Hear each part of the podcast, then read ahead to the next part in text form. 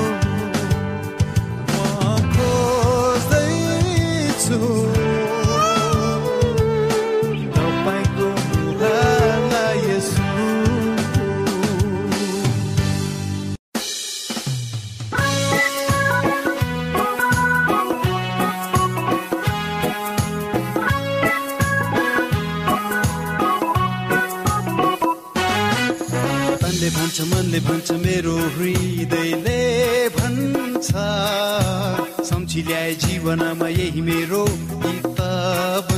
छ तनले भन्छ मनले भन्छ मेरो हृदयले भन्छ।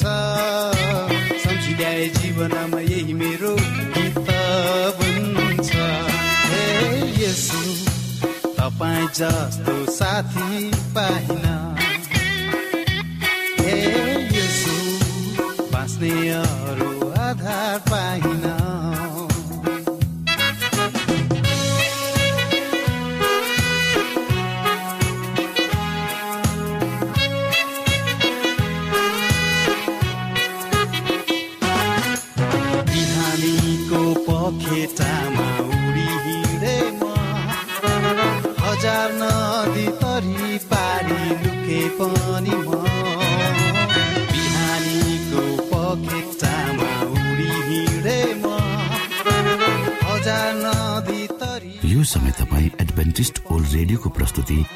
अफ होप आशाको बाणी कार्यक्रम सुन्दै हुनुहुन्छ।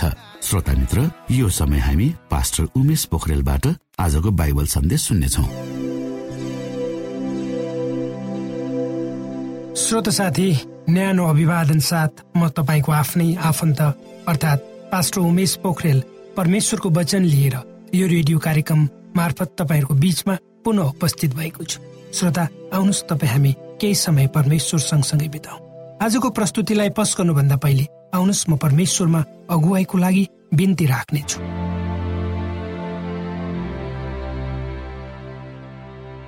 जीवी जिउँदो महान दयालु परमेश्वर प्रभु यीशु हामी धन्यवादी छौँ यो समय र मौकाको लागि।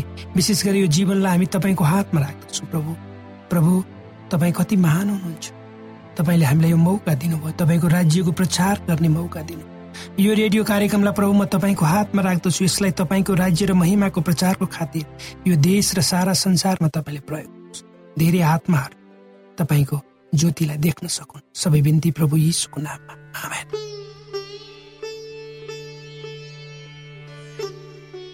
श्रोत साथी मेरो छोरो सोलोमन राजा दाउद विनम्रतापूर्वक एवं कडा रूपमा प्रस्तुत हुन्छन् र भन्छन् अनि तिमी सोलोमन मेरो छोरा चाहिँ तिम्रा पिताका परमेश्वरलाई आफ्नै ईश्वर मान र सारा हृदय र राजी खुसीको मनले उहाँको सेवा गर। किनभने परमप्रभुले हरेकको हृदय जाँच्नुहुन्छ र मानिसको हरेक विचारलाई थाहा पाउनुहुन्छ। यदि उहाँलाई खोज्यो भने तिमीले उहाँलाई भेट्टाउनेछौ। तर तिमीले उहाँलाई त्याग्यौ भने उहाँले तिमीलाई सधैँको निम्ति इन्कार गर्नुहुन्छ। राजा दाउदले भनेका यी कुराहरू सही छन्। परमेश्वरले आफ्नो जनहरूलाई प्रतिज्ञा गर्नुभएको छ। तर उहाँले कसैलाई जबरजस्ती भने गर्नुहुन्न। त्यसैले त पवित्र धर्मशास्त्र बाइबलको अन्तिम पुस्तक प्रकाशको तीन अध्यायको बिस पदमा परमेश्वर यसो भन्नुहुन्छ। हेर म ढोकामा उभिएर ढकढक्याउनेछु कसैले मेरो स्वर सुनेर ढोका खोलिदियो भने म त्यस कहाँ भित्र पस्नेछु र त्यससँग भोजन खानेछु र त्यसले मसँग खानेछ। परमेश्वर हामीलाई आशिष दिन चाहनुहुन्छ र हामीसँग रहन पनि चाहनुहुन्छ। त्यसकारण हामीले आफ्नो तर्फबाट आफूलाई ठिकठाक राख्नुपर्छ। हामीले परमेश्वरसँगको आफ्नो सम्बन्धलाई बलियो बनाउनु पर्छ परमेश्वरसँगको सम्बन्धलाई ठिक राख्न हामीले आफ्नो हृदयलाई सही रूपमा परमेश्वरलाई खोज्ने काममा लगाउनु पर्छ यदि हामीले सही अर्थमा परमेश्वरलाई खोज्यौँ भने अवश्य नै भेट्टाउनेछौँ यो प्रतिज्ञा जसले परमेश्वरलाई ग्रहण गरेका छन् जसले ग्रहण गरेका छैनन् सबैको निम्ति हो। जो जसले परमेश्वरलाई ग्रहण गरेका छन् तिनीहरूले उहाँको निमन्त्रणलाई स्वीकार गरेका छन्। त्यसै गरी सोलोमन राजाले परमेश्वरसँग आफ्नो बाचा बाँधे। त्यही बाचा अनुसार उनी हिँड्नु पर्थ्यो। प्रभु येसुलाई धेरै नामहरूद्वारा पुकारिन्छ। त्यो मध्ये एउटा नाम इमानुय जसको अर्थ परमेश्वर हामी अरू कतै पनि परमेश्वरको लागि यो नाउँबाट पुकारा गरेको हामी पाइन। हाम्रो परमेश्वर आफ्ना सन्तानहरूसँग रहन चाहनुहुन्छ अर्थात् तपाईँ र मसँग रहन चाहनुहुन्छ यदि हामीले आफूलाई उहाँको नजिक बनाउन उहाँको खोजी गर्यो भने उहाँले हामीलाई उहाँको नजिक लानुहुन्छ। यो परमेश्वरको निमन्त्रण हो जो हाम्रो सृष्टिकर्ता हुनुहुन्छ। र हामी उक्त निमन्त्रणलाई स्वीकार गर्न मात्र सक्छौँ। त्यसैले आजै उहाँलाई खोजौँ र आफ्नो जीवनको केन्द्रबिन्दु उहाँलाई बनाऊ। उहाँ हाम्रो निम्ति पर्खी बस्नु भएको छ। त्यसकारण हाम्रो निम्ति खोली राखिएको ढोका भित्र अहिले नै हामी पसौँ ढिलो नगरौँ। श्रोत साथी पवित्र धर्मशास्त्र बाइबलको भजन सङ्ग्रह एक सय एक्काइस अध्यायको आठ पदमा भजन सङ्ग्रहका लेखकले परमेश्वरलाई हाम्रा रक्षक हुनुहुन्छ भनी यसरी भन्छन्। तिमी बाहिर जाँदा र भित्र आउँदा परमप्रभुले तिम्रो रक्षा गर्नुहुनेछ अहिले अनि सदाकालसम्म। कस्तो सुन्दर दैवीय संरक्षणको भरोसा तपाईँ हामीलाई दिएको छ। जब हामी आफ्नो जीवनलाई उहाँमा हिँडाउन तयार हुन्छ। यसको सुरुवात यसको सुरुवातमा भजन सङ्ग्रहका लेखकले भन्छन् पर्वतहरूतिर म आफ्ना आँखा उचाल्दछु। मेरो गुहार स्वर्ग र पृथ्वी सृजना गर्नुहुने परमप्रभुबाट आउँछ। उहाँले मेरा खुट्टा चिप्लन दिनुहुने छैन र उहाँ कहिले उग्नु पनि हुने छैन। श्रोत साथी आत्मिकी अर्थमा हेर्ने भने पहाडलाई एउटा धार्मिक यात्रीले सामना गर्नुपर्ने समस्यालाई इङ्गित गर्दछ। यी पदहरूले उक्त यात्रीको आत्मिकी जोस जाँगर र गतिलाई कम गर्दै शिथिल पार्दछ। तर परमेश्वर यी मानिसहरूलाई मद्दत गर्न सदैव तयार हुनुहुन्छ। यी वचनहरू तपाईँ हाम्रो निम्ति उत्साहका वचन हुन्। किनकि हामीहरू एउटा यात्रामा छौँ अर्थात् परमेश्वरको राज्यतर्फको यात्रामा। यो यस्तो यात्रा हो जसले हामीलाई आत्मिकी रूपमा दृढ बनाई। शक्तिको मुहानसँगको सम्बन्धलाई अटुट राखी उहाँको निर्देशनमा एडाउँछ। जब हामी यात्रामा हुन्छौँ त्यसको दौरानमा आइपर्ने विभिन्न बाधा अवरोधहरूको कारणले बाटैमा हामी हराउन स्वाभाविक हो र हामी कति हराउँछौँ पनि। त्यसको साथै यात्राको दौरानमा हताश निराश पनि हुनु स्वाभाविक स्वाभाविकै मान्नुपर्छ। किनकि हाम्रा यात्रामा हामीले धेरै पहाडहरू अवरोधहरूलाई निरन्तर रूपमा सामना गरि नै रहनुपर्छ। यो पनि सम्भावना छ कि हामी आफ्नो यात्राको क्रममा गल्ती गर्दछौँ। तर हामीले चिन्ता गर्नु आवश्यक छैन। किनकि हाम्रो परमेश्वर हाम्रो तर्फ सदैव रहनुहुन्छ र हाम्रा बाटामा आइपर्ने सबै किसिमका बाधा अवरोधहरूलाई उहाँले पन्छाउन मद्दत गर्नुहुन्छ र हाम्रो गोठालो परमेश्वरलाई हाम्रो बाटो थाहा छ। श्रोत साथी परमेश्वर बाटो हुनुहुन्छ। सबै कुराहरू हाम्रो राम्रोको निम्ति नै हुने गर्दछ यद्यपि कहिलेकाहीँ हामीहरूले पाप गर्दछौँ तर पनि कुनै खराबी नगरे चाहिँ लाग्दछ र हामी पुनः उक्त काम गर्न लालायित हुन्छौँ वा कोसिस गर्दछौँ किनकि हामीले पहिलोचोटि जब परमेश्वरको आज्ञालाई उल्लङ्घन गर्छौँ अर्कोपल्ट त्यसले हामीलाई अझै गर्नको निम्ति गजगजाउँछ। जब हामी पुनः उक्त काम गर्दछौँ तब हामी त्यो काम गर्नमा हिचकिचाउँदैनौँ। हामीलाई साधारण जस्तो लाग्छ। र उक्त पापले तपाईँ हाम्रो चेतनालाई मारिदिन्छ। र हामी कुन ठिक वा कुन बेठिक भनेर छुट्याउने नसक्ने अवस्थामा हुन्छौँ। र पापले हामीलाई कहिले पनि नउठ्ने गरी गाँजेर राख्छ। परमेश्वरले कुनै कुरा जसले उहाँबाट हामीलाई टाढा राख्छ त्यसलाई हाम्रो जीवनमा हुन दिनुहुन्न। र हाम्रो जीवनलाई उहाँले निरन्तर रूपमा अगुवाई गर्नुहुन्छ। हामीलाई के राम्रो हुन्छ त्यसै अनुसार हाम्रो हातहरू समातेर उहाँको ज्ञान र शक्तिमा हामीलाई निरन्तर रूपमा अगाडि बढाउनुहुन्छ त्यसैले त श्रोता साथी उहाँको हातलाई नछोडी निरन्तर रूपमा हामी अगाडि बढ्नुपर्छ। जहाँ हामीले आफूले कहिले नसोचेका नदेखेका र नभोगेका कुराहरू हाम्रो निम्ति राम्रोको खातिर पर्खिरहेका हामीले पाउनेछौँ। जब हामी उहाँसँग हिँड्छौँ तब हामीसँग एउटा उच्च पथ प्रदर्शक हुनुहुन्छ जसले हाम्रो आउने जीवन र भविष्यको निर्धारण गर्नुहुनेछ। स्वत साथी जब हामी आफ्नो जीवनलाई परमेश्वरको इच्छामा अगाडि बढाउँछौँ तब उहाँले हामीलाई सबै कुराहरूबाट संरक्षण प्रदान गरी उहाँको गन्तव्यमा अगाडि बढाउनुहुन्छ। र उहाँले कहिले पनि तपाईँ र मलाई सोध्नुहुन्न कि तिमीहरूको कार कति मूल्यवान छ। तर उहाँले अवश्य सोध्नुहुन्छ कतिजना मानिस जसको आफ्नो गाडी थिएन तिनीहरूलाई आफ्नो कारमा बसाएर एक ठाउँबाट अर्को ठाउँमा लग्यो भनेर। त्यसै गरी परमेश्वरले तपाईँ र मेरो घर कति तले र कति रोपनीमा बनेको छ भने कहिले पनि सोध्नुहुन्न तर कतिजना मानिसहरूलाई तपाईँ र मैले आफ्नो घरमा स्वागत गर्यो। त्यो पक्कै सोध्नुहुन्छ।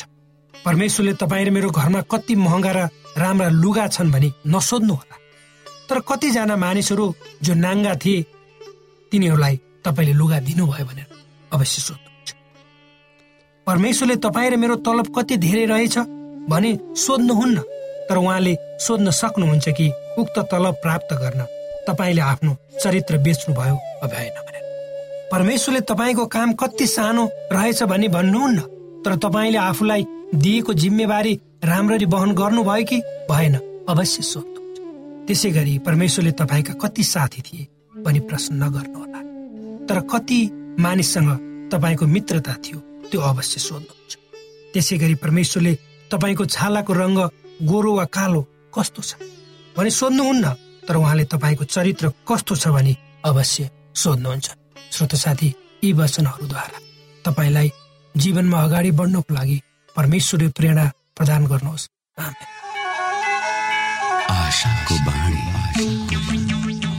श्रोता भर्खरै यहाँले पास्टर उमेश पोखरेलबाट बाइबल वचन सुन्नुभयो।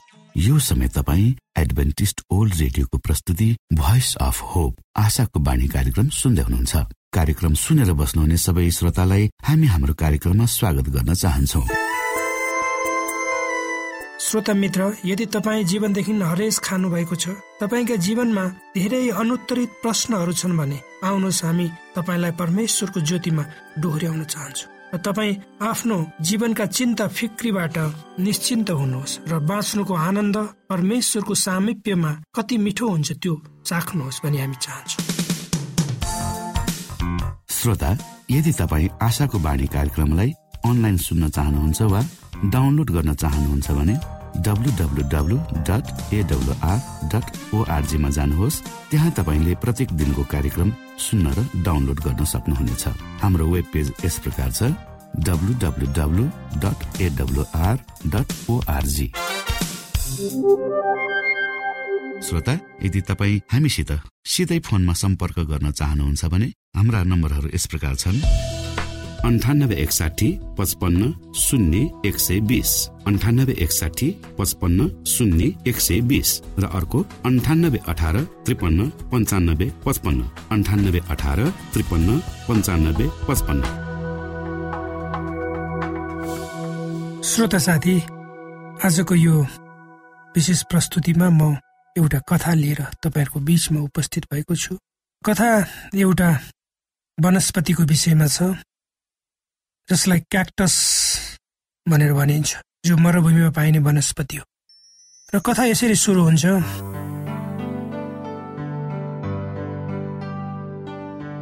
क्याक्टस मरुभूमिमा पाइने वनस्पति एक्लै मरुभूमिको बिचमा उभिरहेको पाइन्छ।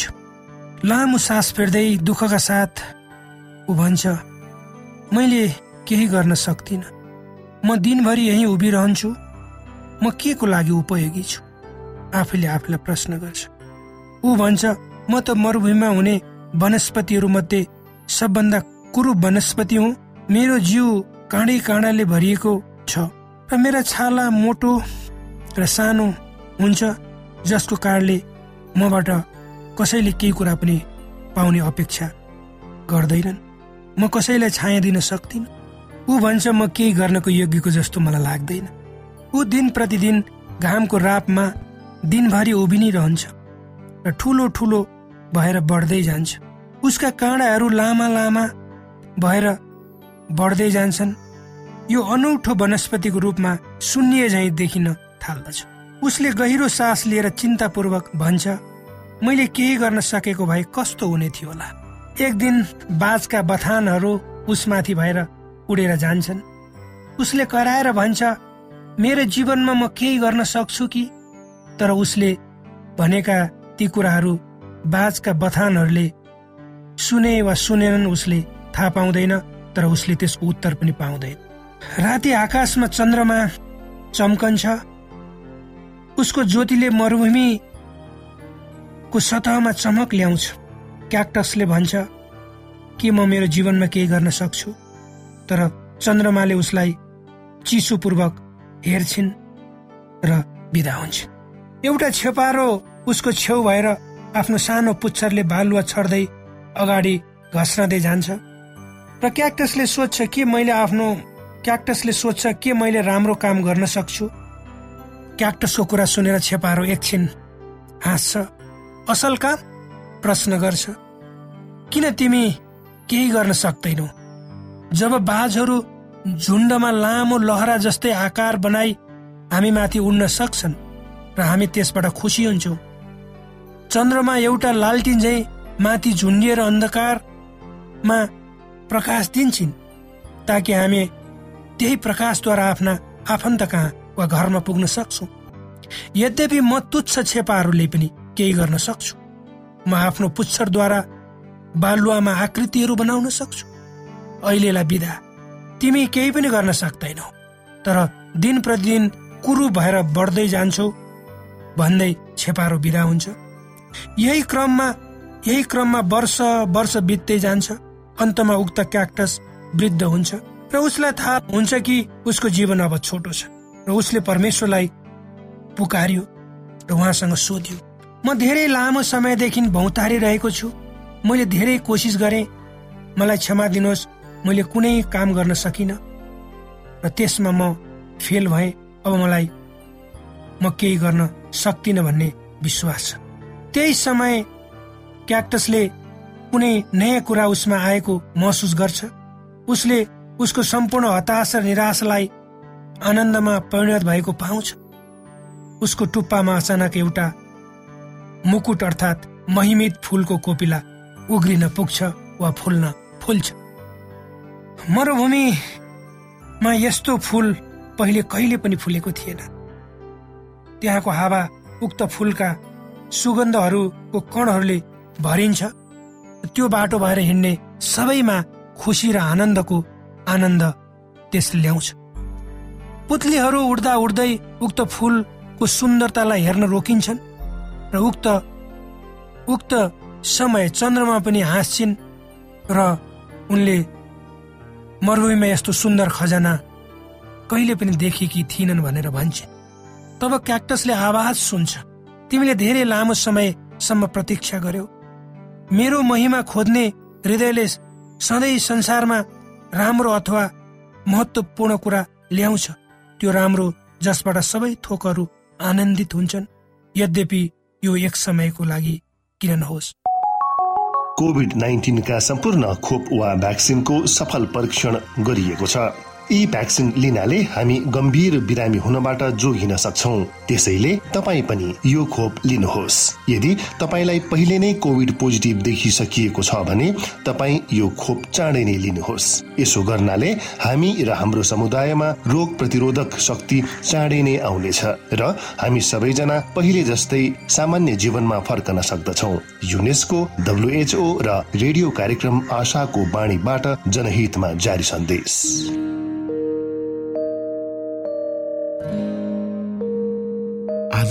मित्र बाइबलले बताएको छ परमेश्वरले तीर्खाकाहरूलाई तृप्त पार्नुहुन्छ र भोकालाई उत्तम पदार्थले सन्तुष्ट पार्नुहुन्छ। हामीलाई दिइएको यो छोटो समय आशाको बाणीको प्रस्तुतिको समयमा हामीले हाम्रा श्रोताको आत्मिक भोकलाई केही मात्रामा भए तापनि सही प्रकारको खुराक पस्केर आत्मिक सन्तुष्टि दिन सकेका छौँ केही ऊर्जा थप्न सकेका छौँ भनेर हामीले आशा राखेका छौँ।